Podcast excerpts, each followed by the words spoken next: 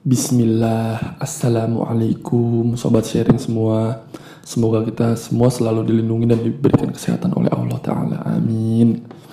Dan semoga wabah ini cepat berlalu. Amin. Iya, Sobat sharing semua Di podcast kedua saya ini saya mau ngasih tahu Bukan ngasih tahu sih, mau sharing juga sebenarnya.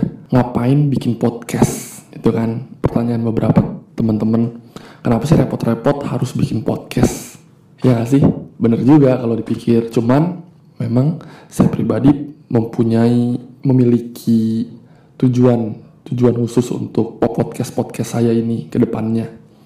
Nah, apa itu tujuannya? Simpel sih sebenarnya. Yang pertama, menurut saya kita membutuhkan ekosistem atau lingkungan atau komunitas atau kelompok untuk terus berkembang menjadi pribadi yang lebih baik dan positif udah pasti ya itu kita manusia normal itu pasti pengen pasti pengen menjadi orang yang lebih baik setiap harinya.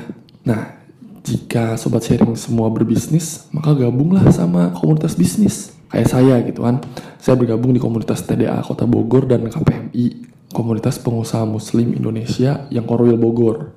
Nah, jika sobat sharing suka menulis, gabung sama komunitas menulis jika suka kucing misalnya gabung sama join sama komunitas cat lovers dan lainnya kayak gitu nah podcast ini lahir untuk membangun ekosistem atau lingkungan atau komunitas orang-orang yang positif untuk saling mendukung. Supaya kita menj bisa menjadi pribadi yang lebih baik bareng-bareng bisa menjadi orang yang lebih baik. Sama-sama bisa memberikan dampak positif bagi masyarakat Indonesia. Gitu loh. Nah ada peribahasa nih. Mungkin peribahasa ini sih udah nggak asing lah. Jika kamu bergaul sama tukang tukang minyak wangi, maka kamu akan ikutan wangi. Jika kamu bergaul dengan tukang sampah, maka akan bau sampah. Ini analogi bagus banget menurut saya. Jadi kita jika kita bergaul sama orang-orang positif ya akan akan ke bawah positif. Dan sebaliknya, jika bergaul sama orang-orang negatif ya akan ke bawah negatif. As simple as that. Simple banget gitu. Oke, balik lagi ke ekosistem biasanya dalam ekosistem atau komunitas ada yang namanya edukasi. Oke, ada yang namanya edukasi atau mentoring kalau dalam istilah bisnis.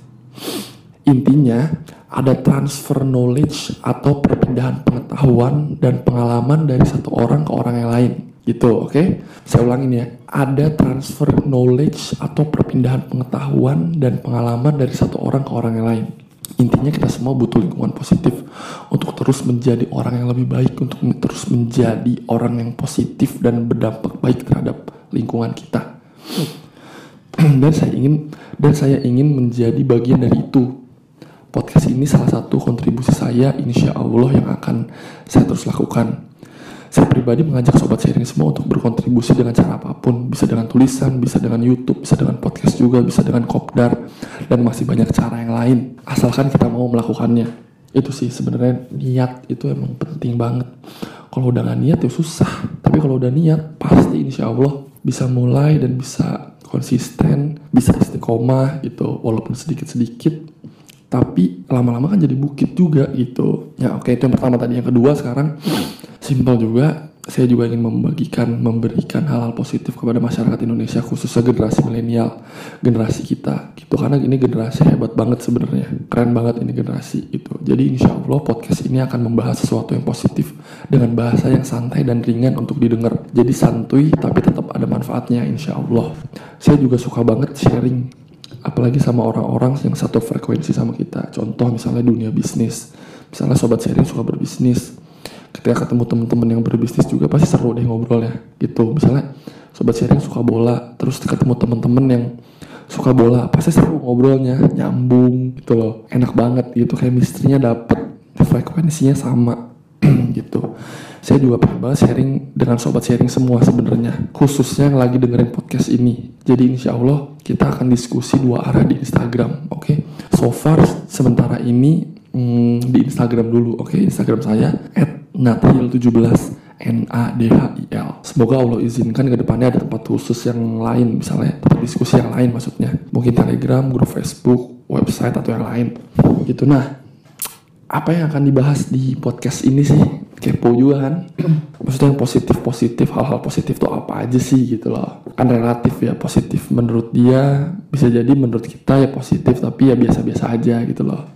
Nah apa sih yang akan dibahas? Pastinya sesuatu yang bermanfaat nggak cuma hits doang. Kalau hits nggak ada manfaatnya ngapain gitu kan? Oke yang pertama insya Allah saya akan sharing tentang pengetahuan dan informasi-informasi bisnis sejauh yang saya tahu. Jadi untuk so sobat sharing semua yang suka berbisnis boleh banget kita diskusi kita diskusi sementara di Instagram saya ya @nathil17 N A D H I L. Kemudian insya Allah saya juga berusaha untuk sharing setiap buku yang saya baca walaupun mungkin hanya satu atau dua bab. Jadi intinya dari bab tersebut mungkin saya akan sharing, saya akan ulas di podcast ini gitu di episode-episode berikutnya insya Allah. Kemudian insya Allah juga saya akan sharing tentang sesuatu yang lagi populer atau lagi hits di, di kehidupan kita. Contohnya kopi dalgona insya Allah saya akan sharing tentang kopi dalgona gitu. Itu contohnya. Kemudian insya Allah juga saya akan selingkan dengan membahas tentang agama Islam. Saya akan selingkan karena kita juga butuh ilmu tidak hanya ilmu dunia tapi kita juga butuh ilmu akhirat. Insya Allah nanti saya akan selingkan dengan narasumber-narasumber yang oke okay lah gitu. Dan kemudian insya Allah juga saya kalau memang Allah izinkan bisa mengajak atau mewawancarai orang atau temen yang spesialisasi di bidangnya. Misalnya orang finance atau seorang penulis atau seorang dokter atau seorang marketing handal yang gitu-gitulah intinya yang spesialisasi. Selebihnya kita diskusi dua arah aja di Instagram ya. Karena saya juga pengen banget nih bisa ngobrol dengan sobat sharing semua. Saya butuh masukan dan ilmu dari sobat sharing semua. So far terima kasih banget. Cukup sekian kayaknya untuk episode kali ini. Terima kasih banget untuk sobat sharing semua yang udah dengerin podcast kedua saya. Jangan lupa bagikan podcast ini ke teman-teman atau saudara-saudara atau pasangan-pasangan. Mungkin mereka juga sedang mencari lingkungan yang positif atau sedang berhijrah untuk menjadi pribadi yang lebih baik. Semoga Allah Ta'ala selalu memberikan kita dan keluarga kita kesehatan kesehatan. Amin. Sampai jumpa di episode-episode berikutnya. Insya Allah. Wassalamualaikum warahmatullahi wabarakatuh. Bismillah.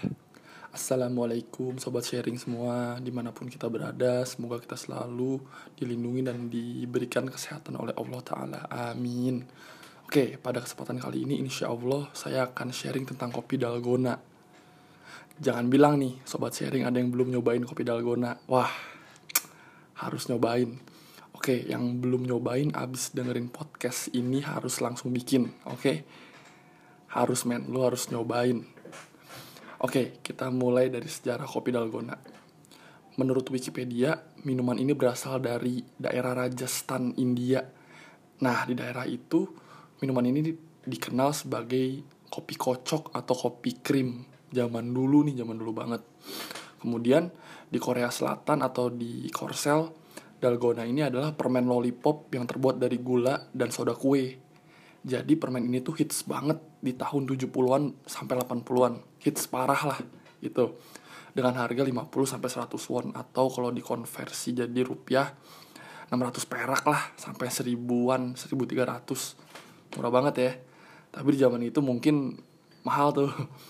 Nah, permen ini bisa hits zaman itu karena salah karena setelah perang Korea berakhir personil angkatan daratnya Amerika Serikat itu memberikan gula-gula gratis gitu kepada anak-anak setempat. Mungkin beberapa anak-anak membawa pulang gula-gula tersebut saking banyaknya. Dibawa pulang ke rumahnya masing-masing dan diberikan kepada orang tuanya. Saking banyaknya gula-gula itu, akhirnya beberapa orang tua melakukan riset. Nah, riset kalau zaman sekarang gitu ya, kayak keren banget. Beberapa orang tua melakukan coba-coba untuk membuat sesuatu dari bahan baku gula ini bisa jadi apa sih gitu loh. Nah singkat cerita jadilah permen dalgona yang di tahun itu tuh hits banget.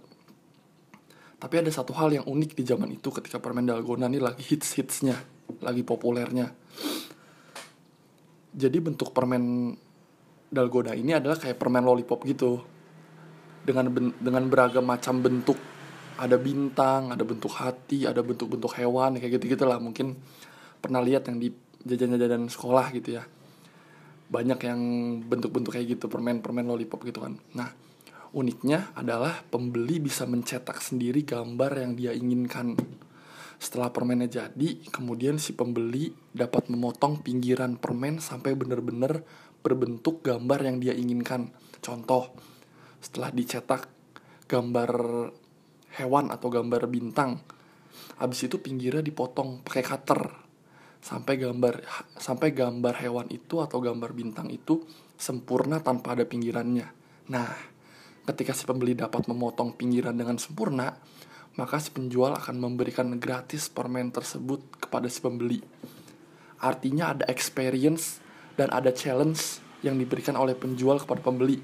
Ini keren sih menurut gua, menurut saya keren banget. Oke, balik lagi ke kopi dalgona. Kapan saat paling enak diminumnya sih? Wah, ini juga kalau momennya bagus tuh kayaknya enak gitu ya. Apalagi ngopi gitu kan. Kapan sih paling enak diminumnya kopi dalgona ini? Kalau saya pribadi habis makan siang ketika udara lagi panas-panasnya nih. Walaupun saya beraktivitas di dalam ruangan tapi kan tetap aja kerasa panasnya kalau di luar emang panas banget cuacanya lagi terik itu kan pasti kan kerasa lah. Es batunya udah disiapin dari malam. Kadang-kadang susu ultra cair kadang-kadang susu ultranya saya jadiin es batu gitu. Jadi emang udah harus dipersiapkan dari malam lah intinya gitu. Nah sobat sharing semua harus cobain banget nih kopi dalgona. Bikin aja sendiri di rumah. Saya selalu bikin sendiri kok di rumah. Gampang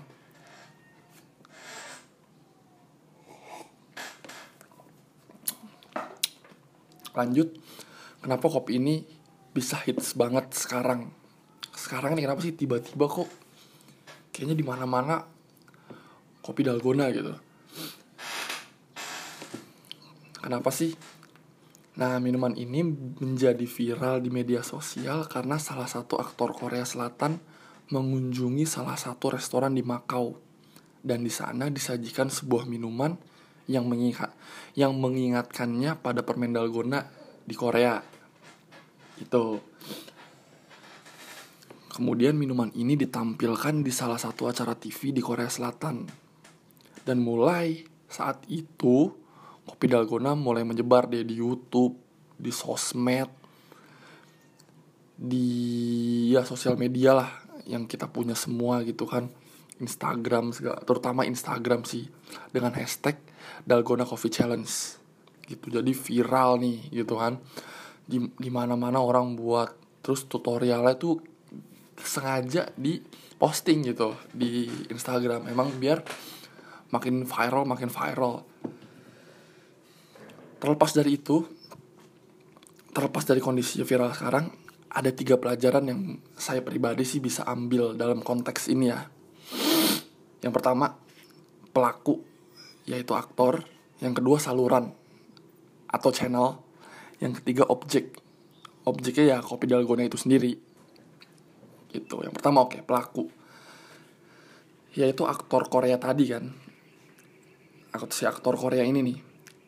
Pertanyaannya, apakah sebuah konten bisa viral hanya dengan seorang karena dengan seorang artis atau aktor? Tentu tidak, pastinya dong.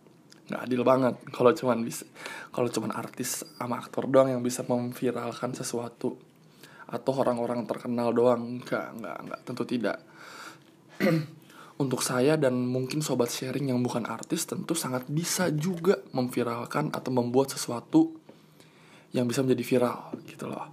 Apalagi di zaman teknologi udah canggih ya, sekarang tuh udah udah serba digital, udah canggih banget gitu. Cukup banyak konten viral yang dihasilkan dari orang-orang yang tidak terkenal gitu kan. Nah, untuk gimana caranya membuat konten menjadi viral, insya Allah akan dibahas di episode lain. Oke, tapi yang pertama itu, yaitu ada pelaku nih.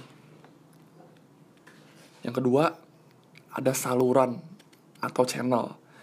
Jadi ketika si pelaku udah bikin sesuatu, terus mau diapain? Harus disebar dong biar viral. Nah, yang kedua adalah saluran atau channel.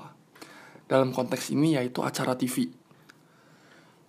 Apakah pertanyaannya apakah harus menggunakan saluran TV atau acara TV?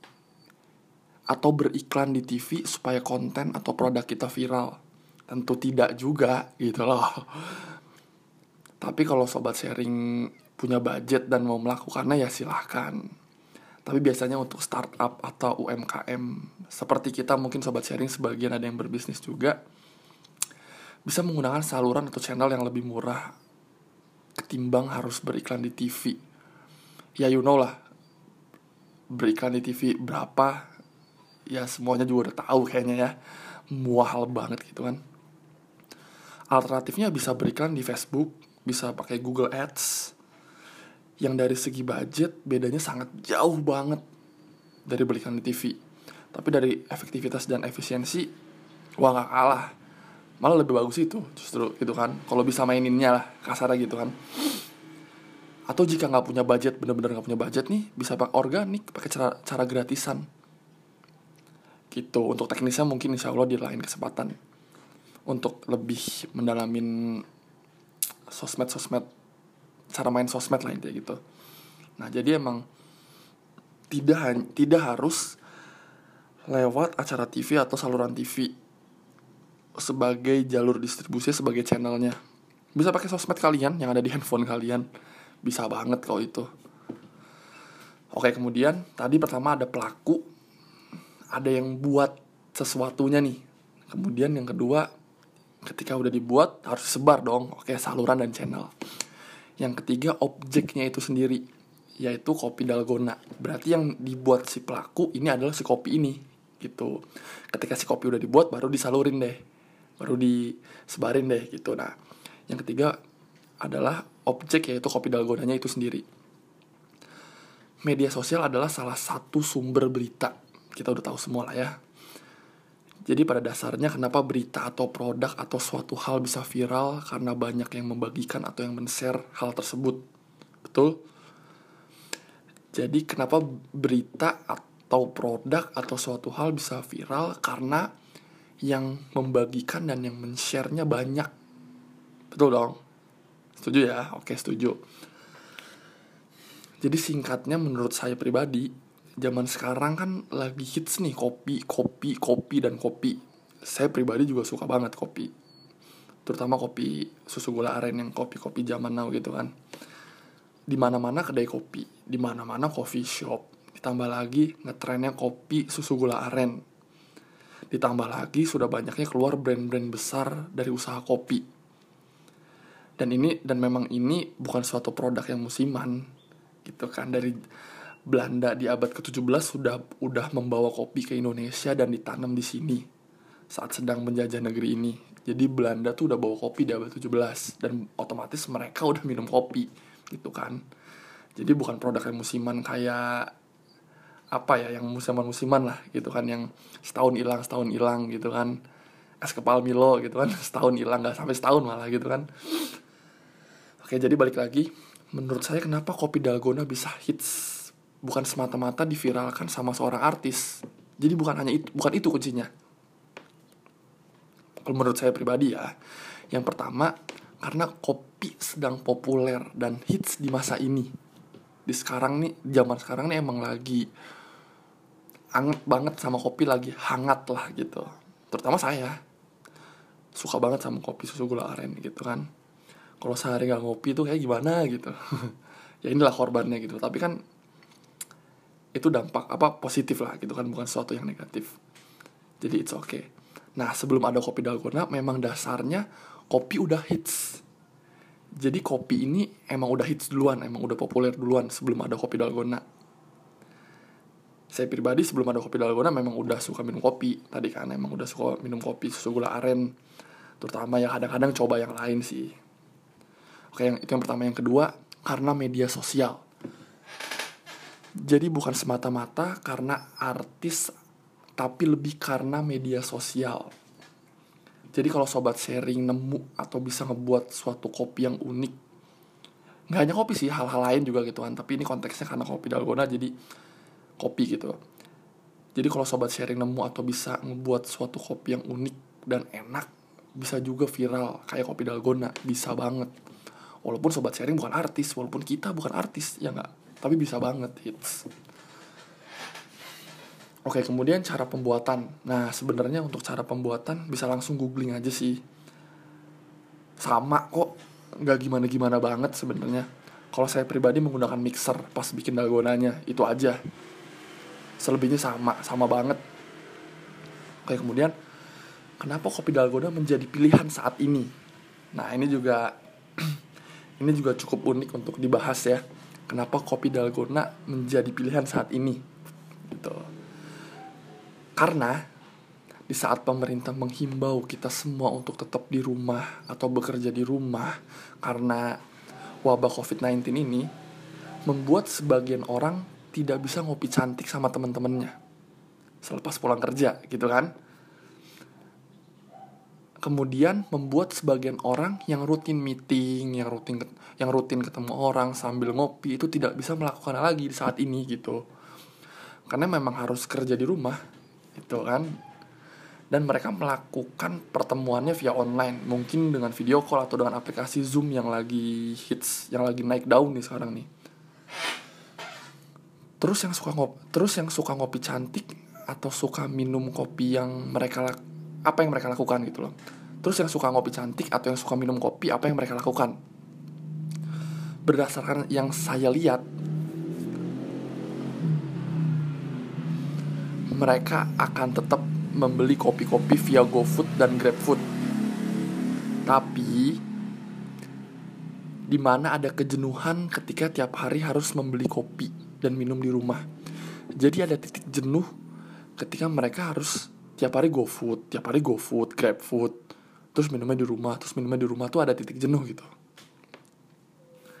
Nah, kemudian sebagian dari mereka juga sebenarnya sudah punya alat kopi, terutama yang coffee lovers ya yang yang benar-benar pecinta kopi biasanya udah punya tuh dia perangkat-perangkat kopi kayak rock presso, kayak grinder dan lain-lainnya gitu tuh yang kadang-kadang juga mereka membuatnya sendiri sebelum ada wabah ini ya biasanya weekend karena mereka libur kerja atau mereka karena lebih banyak waktu mereka bikin sendiri tuh kopi-kopi di rumah. Biasanya udah punya beansnya sendiri terus bikin-bikin sendiri. Karena di weekdaysnya mereka udah beli di kantor mungkin habis pulang kantor sama teman-temannya ngopi-ngopi dulu otomatis kan harus beli gitu kan.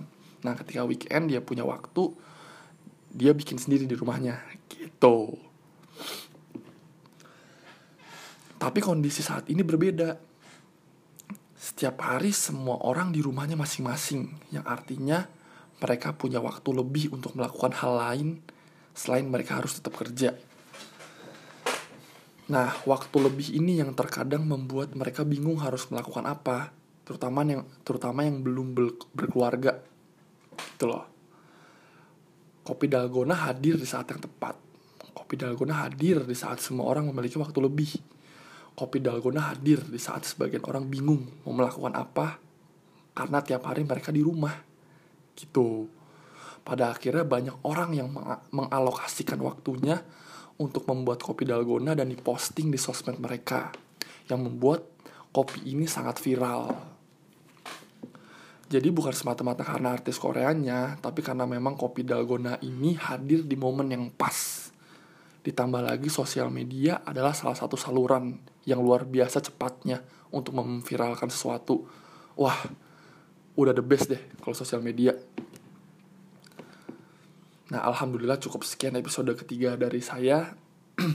Selebihnya kita bisa sharing dua arah di Instagram saya @nathil17 n a d h i l. Kurang lebihnya mohon maaf, ditunggu di Instagram ya sobat sharing semua. Wassalamualaikum warahmatullahi wabarakatuh.